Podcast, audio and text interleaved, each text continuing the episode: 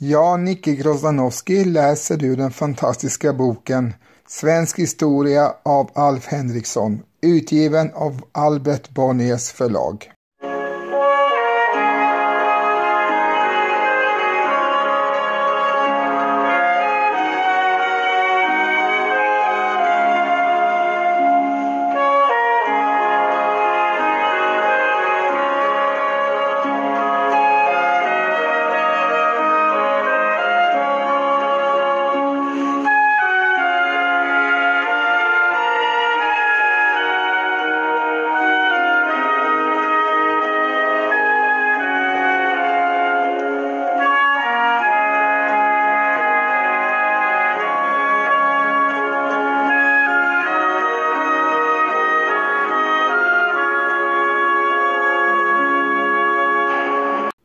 Karl XIs förmyndare. Det hände sig medan Karl X Gustav krigade i Polen att reduktionskollegiet beslöt dra in Lennart Torstenssons grevskap Ortala till kronan. Detta låg nämligen i Upplands bergslag, alltså på mark som enligt lag inte fick doneras bort. Torstenssons efterlevande, han själv var död, stretade naturligtvis emot och fick bistånd av flera höga herrar som samtidigt talade i egen sak. Fältmarskalken Gustav Horn infann sig sålunda personligen i kollegiet och sade sin hjärtans mening och riksdrotsen Per Brahe angrep Herman Flemming i sittande råd för hans åtgärder beträffande grevskapet Ortala. Efter mycket buller och bång drog saken slutligen inför konungen själv som då gav eh, reduktionskollegiet skriftligt order att gå mildare fram. Han beslöt in rådet att Torstenssons förläning icke skulle reduceras, ej heller Königsmarks grevskap Stegeholm som också var i farozonen fick reduceras. Därmed var reduktionens kraft bruten för några årtionden framåt. Flemings försvinnande från politiken försiggick utan nämnvärt rabalder och i Karl XIs förmyndarregering dominerade därefter Sveriges största jordmagnater, av vilka åtminstone några ärligt trodde att den högadliga privatkapitalismen vore till stor nytta för land och folk. Drottning Hedvig Eleonora som var regeringens ordförande vållade dem inga bekymmer. Hon var politiskt totalt ointresserad och tänkte mera på sitt slottsbygge vid Drottningholm. För övrigt påstår Anders Fryxell och Carl Grimberg enhälligt tyckte hon mest om femkort och trumf. Hennes hertige svåger däremot slogs inte till ro med sådant. När den gamle Lars Kagg gick ur tiden efter bara något år som riksmarsk gjorde sig hertig Adolf Johan ånyo sig påmind. Kontroverserna började förresten redan vid begravningen, där hans hertiginna som hette Elsa Brahe knuffades med falskgrevinnan Maria Eufrosine, alias fru de la Gardie, om förnämsta platsen i kyrkan. När en ny mask skulle väljas kom hertigen en dag farande in till staden från sin gård Röstrand med ett antal brev steg oanmäld in i rådskammaren och räckte fram ett av dem till drottningen, for vidare till riddarhuset och överlämnade nästa och fortsatte sin färd till de övriga ständerna med sina återstående skrivelser. De var någorlunda liklydande. Hertigen krävde att bli riksmarsk med stöd av sin brors testamente. Den politiska stämningen i Stockholm blev genast mycket nervös och rådet som befarade revolution lät mobilisera flottan och en del annan militär, varefter man skyndsamt enades om att välja Carl Gustav Wrangel till den lediga sysslan som riksmarsk. Samma dag skickade hertigen en trumpetare hem till den nyvalde med en skriftlig tillsägelse att inte ta emot ämbetet. Wrangel blev då mycket vred och gick till rådet med denna skrivelse och erbjöd sig att besvara den med sin värja i hand. Men det fick han inte. Istället satte man i regeringen och ständernas namn upp en amper förkastelsedom över hertigens förgripliga uppförande. Man lockade honom till, därefter till Stockholms slott och tog honom i rumsarrest där, tvang honom att avsäga sig alla sina anspråk på plats i regeringen och att återkalla alla sina skrivelser i ämnet, tog ifrån honom originalen till riksmarskfullmakten och Karl X Gustavs testamente och släppte honom sedan. Hans anhängare Bengt Skytte blev kort därefter utstött ur rådet och levde sedan ett oroligt liv i utlandet. Hertigen själv drog sig tillbaka till Stegeborg, som i hans dagar knappast var något muntert och glatt ställe. Ty han hade ett hiskeligt besynnerligt linne och kom ständigt i bråk och strider med alla människor. Hans politiska roll var utspelad och hans nära släktingar inom högadeln var allenarådande. De aristokratiska herrar som utgjorde Karl XIs förmyndarregering var förenade av många familjeband i en svårutredd härva. Själv var falsgreven svåger med rikskanslern och före detta svärson till riksdrotsen, vars enda dotter dock gick ur tiden redan under drottning Kristinas regering och falsgrevens andra gemål, kusin med den första och änka efter rikskanslern Erik Oxenstierna, var också av Brahe-släkt och tycks för övrigt ha varit den enda person som han kunde dra jämt med i sitt bekymmersamma liv. Vad Per Brahe beträffar var han gift med Beata de la Gardie som var kusin till rikskanslern och änka efter Lennart Torstensson. Hans första hustru, död sedan några årtionden, hade varit syster till Gustav Otto Stenbock, som nu blivit riksamiral.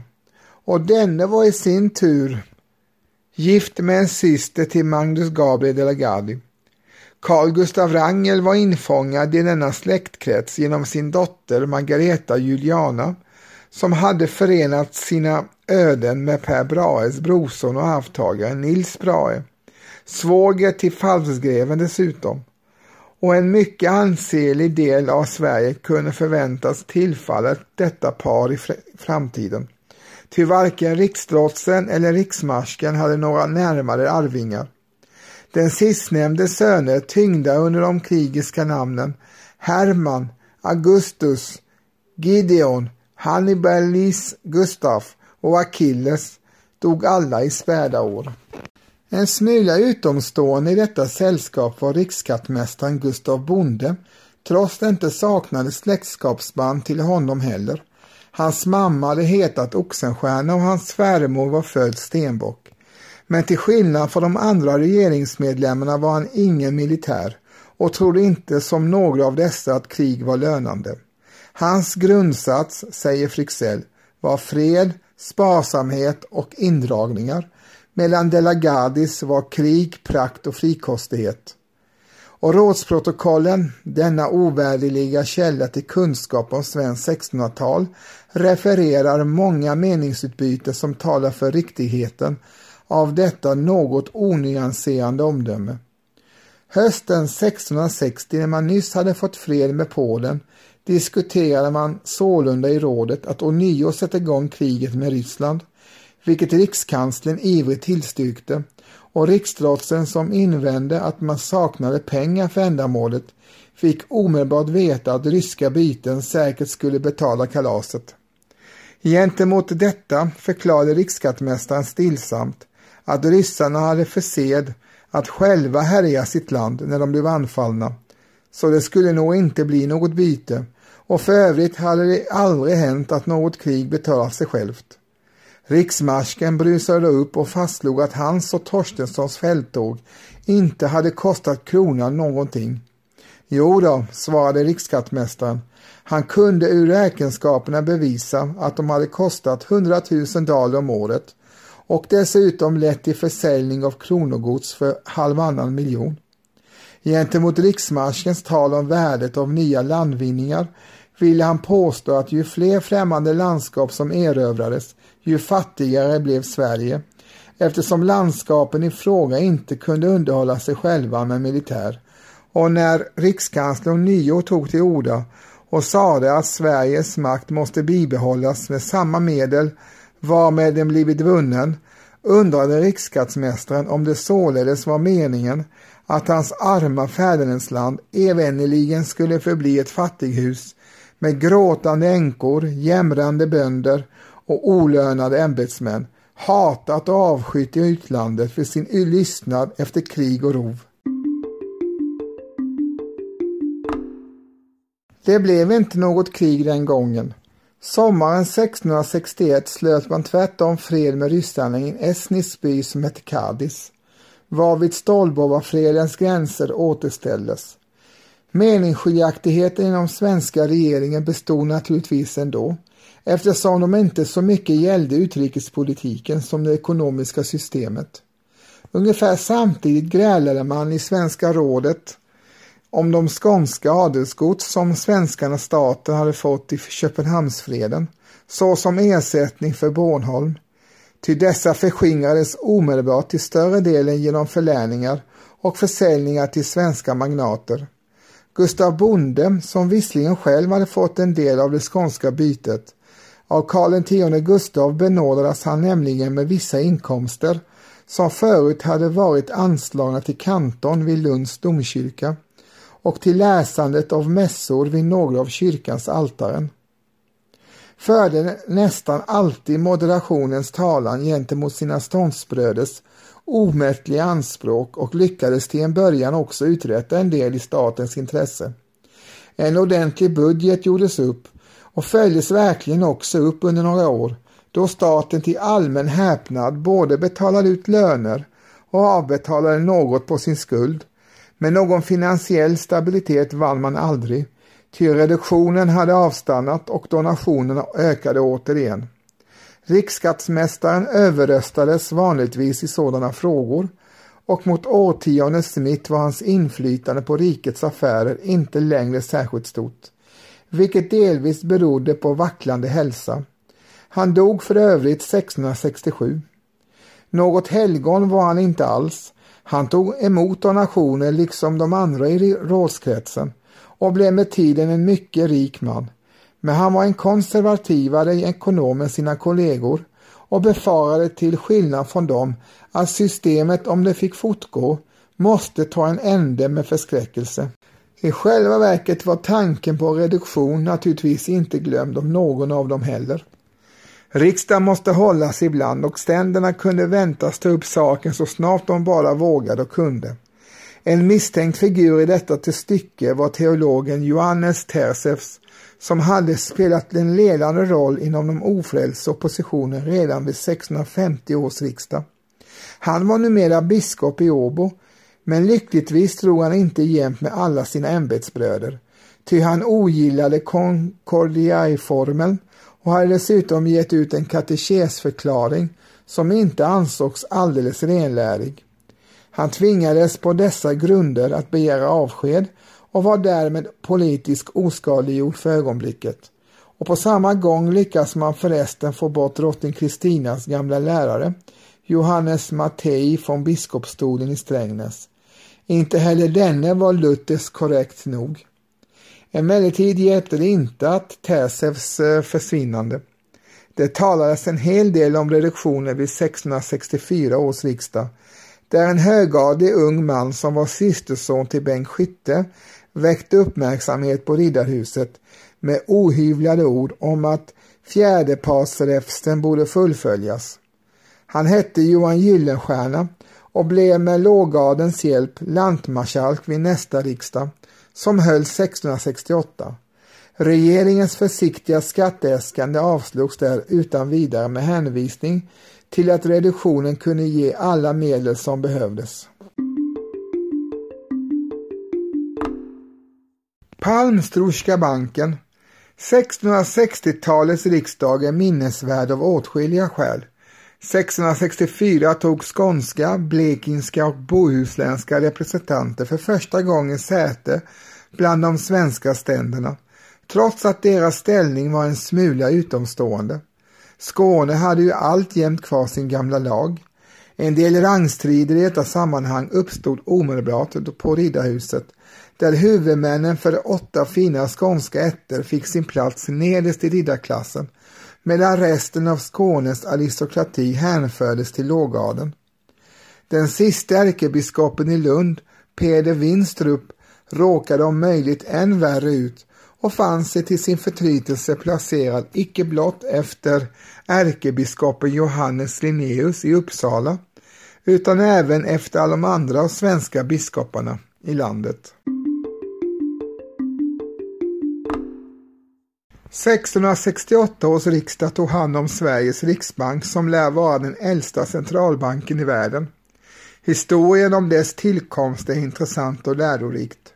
Elva år tidigare hade en livländare som hette Johan Palmstruch med Karl X Gustavs tillstånd öppnat en bankrörelse i Stockholm där han 1661 började ge ut sedelmynt, vilket ingen annan europé har gjort dessförinnan. Hans förebild sägs ha varit ett slags kvitton som kallades Falu kopparsedlar och kunde gå ur hand i hand bland folk som gjorde metallaffärer. Men att liknande papper skulle kunna användas som allmänt betalningsmedel var tydligtvis Palmstruchs egna idé. Hans framgång var överväldigande, ty i jämförelse med det ofantliga svenska plåtmyntet var sedlarna ett mycket behändigt betalningsmedel och allmänheten mottog den så begärligt att de rent av kunde säljas till en viss överkurs. Mänskligt nog föll banken då för frestelsen att mätta marknaden med sedlar, vilket naturligtvis medförde att värdet sjönk och folk blev oroliga. En vacker dag blev det en rusning till banken för att få sedlarna inlösta med metallisk valuta och banken som inte kunde möta denna efterfrågan måste stänga. Varken allmänheten eller Palmstruch själv förstod riktigt vad som hade hänt.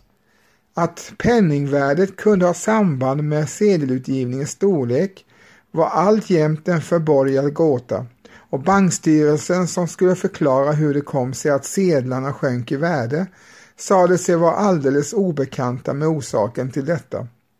Saken väckte stor förskräckelse och ledde till slut att sedelmyntet avskaffades enligt beslut av ständerna vid 1664 års riksdag.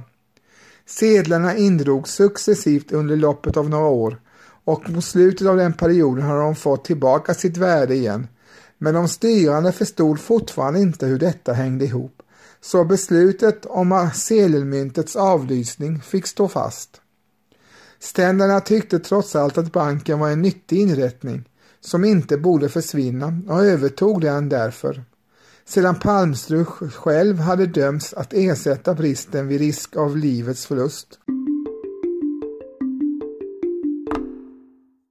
Palmstruch satt sedan i fängelse ett par år men blev benådad och utsläppt kort före sin död. Hans skapelse, som nu fick heta Riksens Ständers Bank och framgent styrdes av deputerade från de tre högre stånden. Bönderna vågade inte engagera sig i företaget hade för lång tid framåt spelat ut sin roll som svenska folkets hjälpare i det mödosamma konkandet på kopparplåtarna, men var naturligtvis av betydelse på annat sätt. Ty genom banken fick en stor del av kronans inkomster, såsom Stora sjötullen, kopparräntan och myntverkets vinst. Gentemot allmänheten var den en växelkassa och en låninrättning med mycket osmidiga statuter.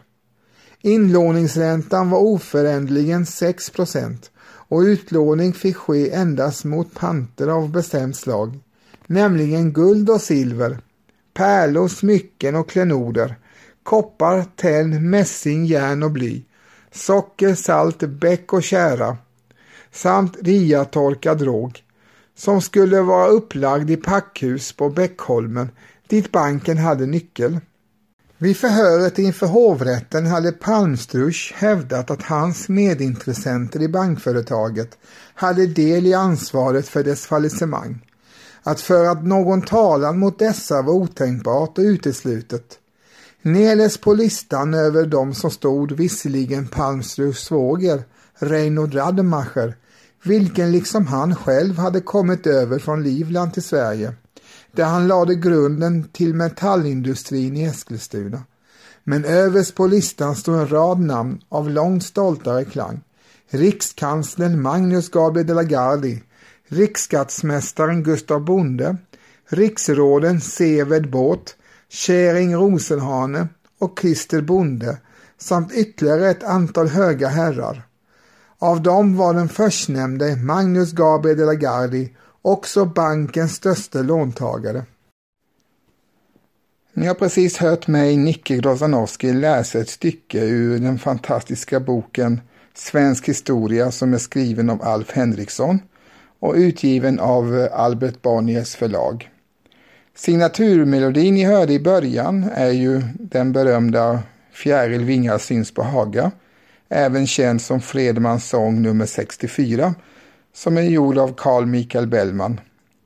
Och som avslutning får ni höra Par Deus med gruppen Gotthard. Podden utkommer två gånger i veckan, lördagar och onsdagar, med bonusavsnitt lite då och då, så håll utkik. Tack för att ni lyssnade. På återhörande. Hej!